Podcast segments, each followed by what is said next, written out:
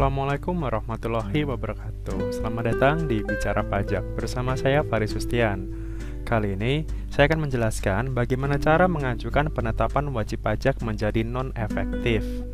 Nah, seperti apa caranya dan bagaimana prosesnya? Kita akan membahas mengenai itu di video berikut ini.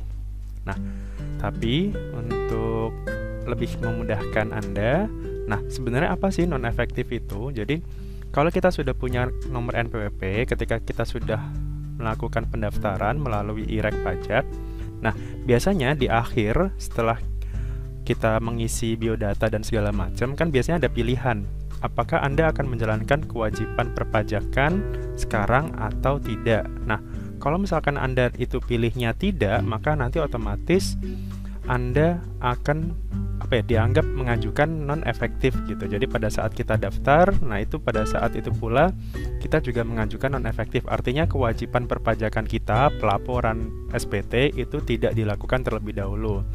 Nah, bagaimana kalau yang sudah terlanjur daftar sebelum-sebelumnya dan statusnya masih aktif sampai sekarang? Nah, kita bisa mengajukannya apa secara mandiri atau uh, kita bisa mengajukannya sendiri. Nah, status non efektif ini atau atau sederhananya non aktif. Jadi NPWP yang sudah non aktif atau non efektif ini adalah status wajib pajak yang dikecualikan dari pengawasan administrasi rutin, contohnya pelaporan SPT. Nah, artinya nanti ketika status Anda itu sudah non efektif atau sudah non aktif, maka Anda tidak perlu lagi melaporkan SPT tahunan Anda gitu karena Anda dikecualikan dari dari kewajiban lapor tersebut gitu. Jadi Anda tidak perlu repot-repot untuk lapor SPT setiap bulan apa setiap tahun. Nah, seperti apa cara pengajuannya? Nah, silakan disimak tutorialnya berikut ini. Yang pertama, tentu saja untuk um, mendapatkan formulir itu silakan buka situs pajak di alamatnya di www.pajak.go.id yang ada di sini. Kemudian setelah itu akan muncul tampilan situs DJP seperti ini. Nah, pertama kali Anda harus punya formulirnya terlebih dahulu. Jadi formulir permohonan non efektif. Nah, Anda bisa dapatkan formulir itu disilakan scroll ke bawah. Kemudian di sini ada formulir perpajakan. Nah, silakan Anda klik lihat semua di sini. Kemudian Anda scroll ke bawah, silakan Anda cari untuk permohonan penetapan wajib pajak non efektif atau pengaktifan kembali. Nah, silakan klik di sini formulir permohonannya.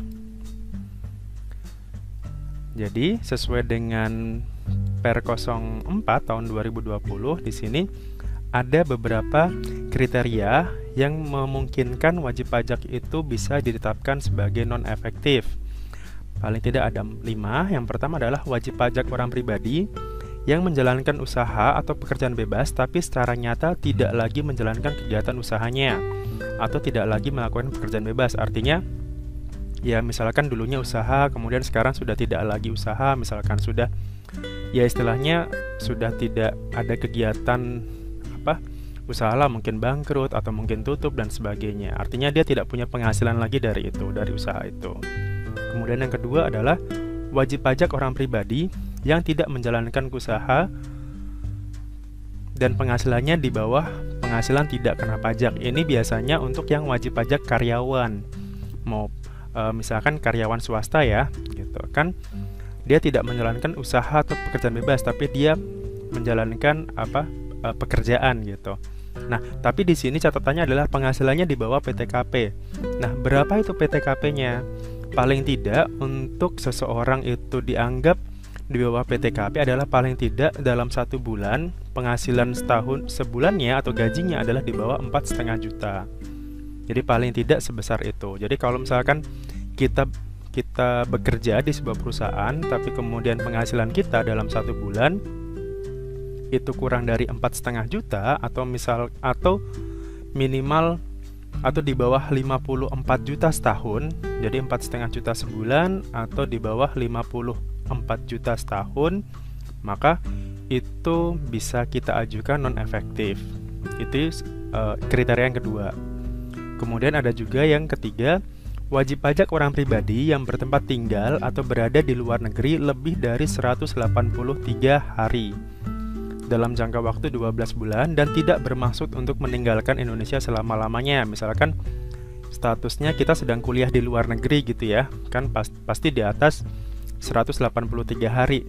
Tapi kita tidak berniat untuk meninggalkan Indonesia gitu selama-lamanya gitu. Kita hanya keluar negeri untuk kuliah misalkan atau untuk bekerja gitu maka ini bisa kita ajukan. Jadi sebelum kita kita pergi ke luar negeri, silakan ajukan dulu penetapan non efektifnya. Jadi tidak perlu repot-repot setiap tahun untuk lapor SPT tahunan. Kemudian yang keempat adalah wajib pajak yang mengajukan permohonan penghapusan dan belum ditetap, diterbitkan keputusannya. Contohnya, katakanlah seseorang itu sudah meninggal dunia, tapi NPWP-nya masih ada, nomornya masih ada, masih aktif. Nah, mungkin keluarganya e, mengurus untuk mengajukan permohonan penghapusan, tapi di si, sambil menunggu keputusan penghapusan tersebut, nah wajib pajak bisa mengajukan non efektif ini terlebih dahulu. Jadi bisa jadi biar dia tidak tidak ada kewajiban untuk lapor. Jadi sambil diurus penghapusannya, maka silakan untuk mengajukan non efektif terlebih dahulu. Atau yang terakhir adalah wajib pajak yang tidak lagi memenuhi persyaratan subjektif dan objektif tetapi belum dilakukan penghapusan nomor pokok wajib pajak. Contohnya tadi ya, tidak hanya meninggal, misalkan kayak tadi, contoh ya tidak punya penghasilan gitu atau ya memang sudah sudah bukan usia produktif lagi untuk bekerja misalkan dia tidak punya penghasilan lagi tapi statusnya masih aktif belum diajukan penghapusan maka ini bisa diajukan permohonan non efektif ini. Jadi kurang lebih seperti ini ada lima poin yang bisa jadi untuk kriteria wajib pajak tersebut mengajukan non efektif. Nah, kemudian ada juga dokumen yang dipersyaratkan adalah dokumen yang menunjukkan bahwa wajib pajak memenuhi kriteria tersebut. Contohnya, kalau dia karyawan ya berarti paling tidak dia harus menunjukkan nih slip slip gajinya ini berapa sih sebulan gitu misalkan kalau gajinya 10 juta ya berarti dia nggak nggak berhak kan gitu tapi kalau misalkan katakanlah slip gajinya ini ya sejuta dua juta tiga juta nah maka ini bisa jadi uh, bisa bisa dikategorikan non efektif tadi atau katakanlah yang sudah meninggal misalkan ya tadi akte kematian dan seterusnya paling tidak itu dokumen-dokumen pendukung bahwa ini loh memang saya sudah tidak ada kegiatan usaha lagi misalkan, baik itu surat pernyataan ataupun dokumen pendukung tadi. Nah, sekarang formulirnya. Formulirnya itu bisa kita unduh di sini di lampirannya. Nah, yang pertama adalah formulir penetapan non efektif. Ada juga nanti ketika kita sudah non efektif bisa juga nanti diaktifkan kembali. Tapi ini akan kita bahas di video berikutnya.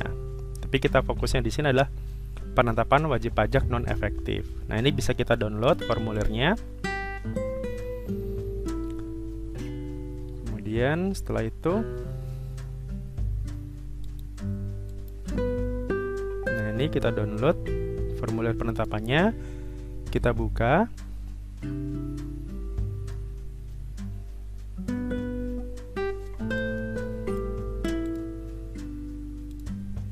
ini adalah formulirnya. Ada dua sheet di sini.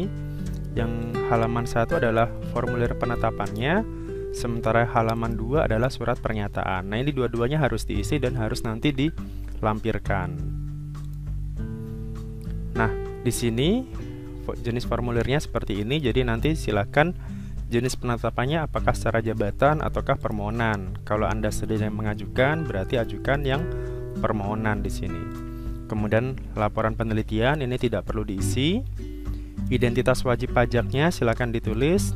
Nomor pokok wajib pajaknya berapa? Misalkan 90 kemudian apa? Sekian-sekian ya eh, NPWP-nya dan seterusnya di sini. Kemudian nama wajib pajaknya ditulis di masing-masing kotak ini.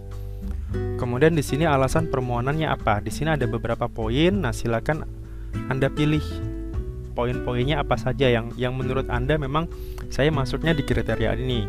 Misalkan tadi wajib pajak yang pribadi yang melakukan kegiatan usaha atau pekerjaan bebas tapi tidak lagi melakukan kegiatan usaha. Kemudian wajib pajak karyawan tapi penghasilannya di bawah PTKP, di bawah 4,5 juta atau di bawah 54 juta setahun. Kemudian wajib pajak yang hanya menggunakan NPWP hanya untuk persyaratan administratif, misalkan sering ya, hanya untuk melamar kerja misalkan. Padahal kan dia belum punya penghasilan. Nah, seperti itu sebaiknya Anda nonaktifkan saja karena kan belum punya penghasilan ya. Atau misalkan untuk kredit kendaraan misalkan. Nah, itu juga silakan kalau memang tidak ada penghasilan atau penghasilannya masih di bawah PTKP tadi, maka ya sudah silakan ajukan saja gitu. Kan saat ini NPWP itu hampir semua mensyaratkan ya, mau kredit rumah, kredit kendaraan, mau melamar kerja dan sebagainya, itu mereka butuhnya syarat NPWP. Nah, daripada Anda repot-repot setiap tahun lapor padahal tidak ada penghasilannya, maka ya sudah tadi ajukan non efektif ini. Kemudian ini juga ada yang tadi yang berada di luar negeri lebih dari 183 hari. Kemudian karena ada alasan penghapusan yang belum selesai, kemudian tidak ada transaksi pembayaran apa pun selama 2 tahun berturut-turut. Nah, ini biasanya berdasarkan secara jabatan, jadi lewat petugas pajak nanti yang akan mengisinya.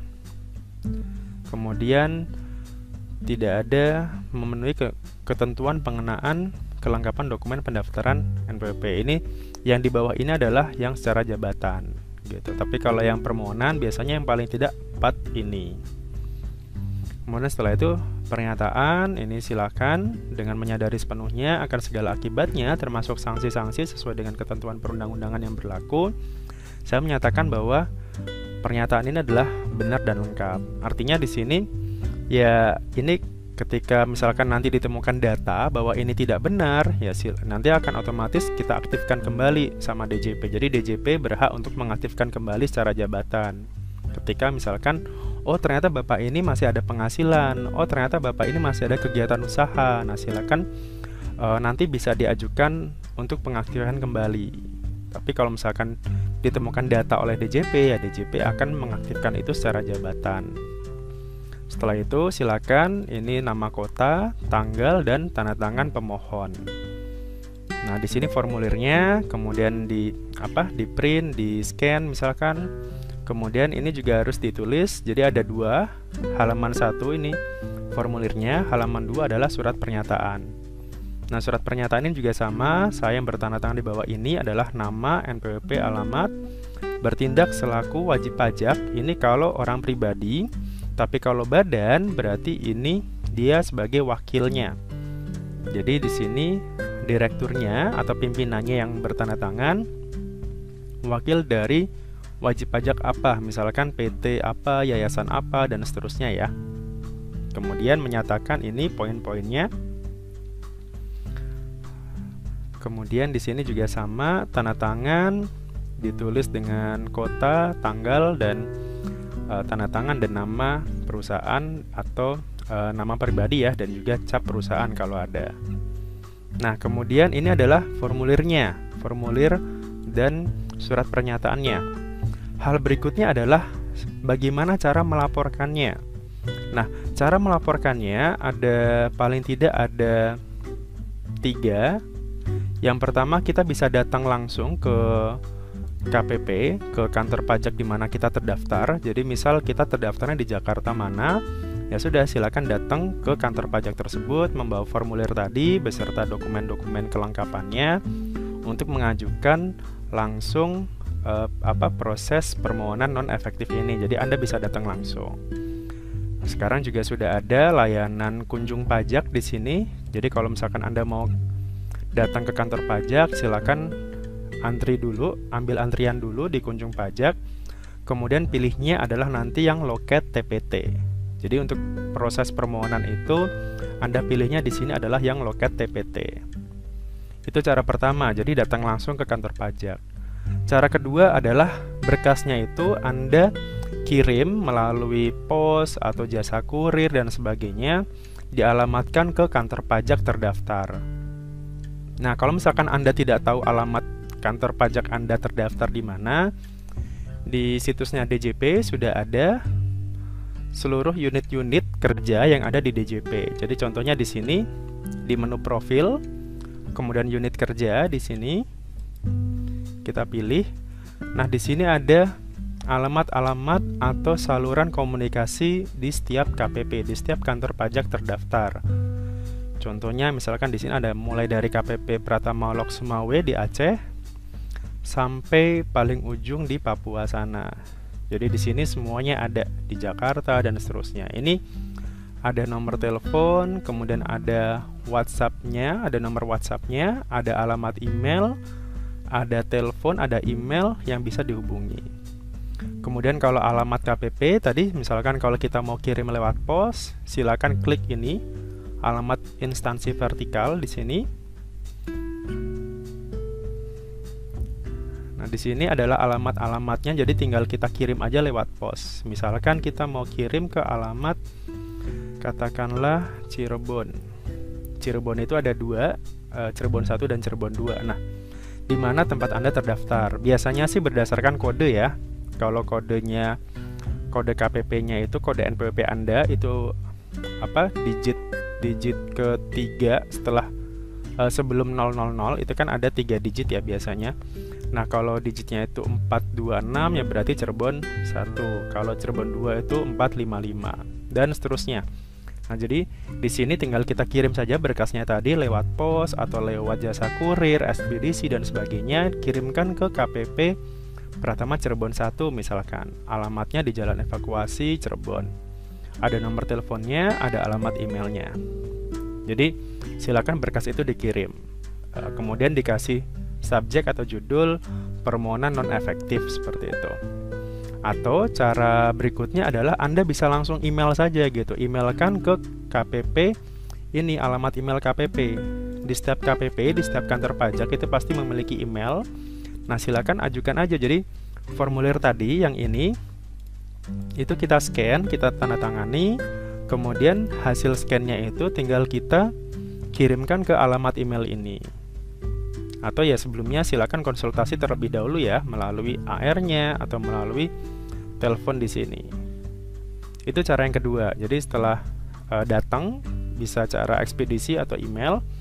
Nah, cara yang ketiga atau yang terakhir adalah Anda bisa melalui kering pajak di sini. Jadi bisa telepon ke kering pajak ke 1500 200 di hari dan jam kerja ya di dari Senin sampai Jumat Nah, Anda bisa melalui langsung. Jadi kalau kalau kering pajak, maka kita tidak perlu untuk melampirkan dokumen. Cukup nanti akan ada validasi dari petugas di kering pajaknya. Jadi nanti ketika Anda mau mengajukan permohonan non efektif, nanti akan ditanya ada kira-kira apa ya kayak semacam validasi data gitu. Jadi Anda harus telepon. Nah, untuk yang orang pribadi, Anda harus yang bersangkutan gitu. Jadi tidak bisa diwakilkan atau tidak bisa uh, apa orang lain yang menelpon gitu. Nah, paling tidak ketika nanti Anda melalui kering pajak ini, validasinya antara lain adalah nomor NPWP, nomor NPWP yang mau di di NE kan tadi di nonefektifkan, NPWP, nama, nomor KTP-nya, tempat alamat tinggal, kemudian alamat email yang terdaftar di, di DJP gitu ya. Kan pasti sekarang ini ketika kita mendaftarkan NPWP pasti semua pasti ada emailnya. Nah, kira-kira emailnya itu apa? Kemudian nomor teleponnya juga nomor telepon yang terdaftar. Dan yang terakhir tapi ini opsional adalah untuk yang sudah lapor SPT tahunan, tahun pajak, kemudian statusnya itu apa? Ini bagi yang sudah wajib lapor SPT tahunan ya, misalkan terdaftarnya dari sejak tahun 2019. Nah, berarti kan dia paling tidak sudah harus lapor untuk tahun pajak 2019, SPT tahun 2019. Nah, di situ disebutkan, "Oh, saya sudah lapor tahun pajak 2019." Statusnya misalkan nihil, tidak ada pembayaran. Nah, seperti itu. Tapi kalau misalkan terdaftarnya baru, misalkan tahun 2021 ini misalkan kan belum wajib lapor ya. Nah, itu ya ini berarti opsional. Jadi paling tidak tadi aja NPWP, nama, NIK, alamat, kemudian alamat email dan nomor teleponnya. Nah, dari situ petugas di kering pajak akan memvalidasi kira-kira apakah memang benar datanya ini, kemudian kalau misalkan memang memang apa? memang bisa diajukan NE, maka nanti akan diajukan. Gitu, akan diproses nanti. Jadi kurang lebih seperti itu kalau lewat kering pajak gitu. Jadi harus melalui validasi data. Jadi tidak perlu mengirim dokumen tadi gitu. Bisa lewat kering pajak, bisa lewat chat di menu live chat di situsnya pajak tadi. Jadi atau lewat email tadi ya, email di ke KPP-nya. Demikian untuk apa permohonan non efektif ini. Jadi kalau misalkan bagi anda yang mungkin Pak saya nggak punya penghasilan, masa saya harus lapor? Pak saya sudah tidak ada kegiatan usaha, apakah saya tetap harus lapor? Kemudian banyak pertanyaan-pertanyaan seperti itu. Nah silakan di sini sudah ada jawabannya. Semoga ini bisa apa ya memberikan titik cerah bagi anda bahwa oh ternyata ada loh fasilitas yang namanya permohonan non efektif ini, permohonan non aktif ini. Nah, silakan Anda ajukan. Nanti setelah itu, ya sudah, Anda tidak perlu repot-repot lagi untuk lapor setiap tahun. Nanti ketika Anda sudah punya penghasilan atau penghasilan Anda meningkat dan seterusnya, nah silakan nanti ajukan lagi saja, ajukan lagi untuk pengaktifan kembali. Prosesnya sama, hanya formulirnya saja yang berbeda. Tadi ya kan ada dua ya, permohonan permohonan efektif dan permohonan atau pengaktifan kembali dari NE tadi. Demikian untuk tutorial pada hari ini, semoga bisa memberikan kemudahan bagi Anda. Jangan lupa untuk lapor SPT tahunan sebelum ya tanggal 31 Maret ini ya. Lebih awal lebih nyaman.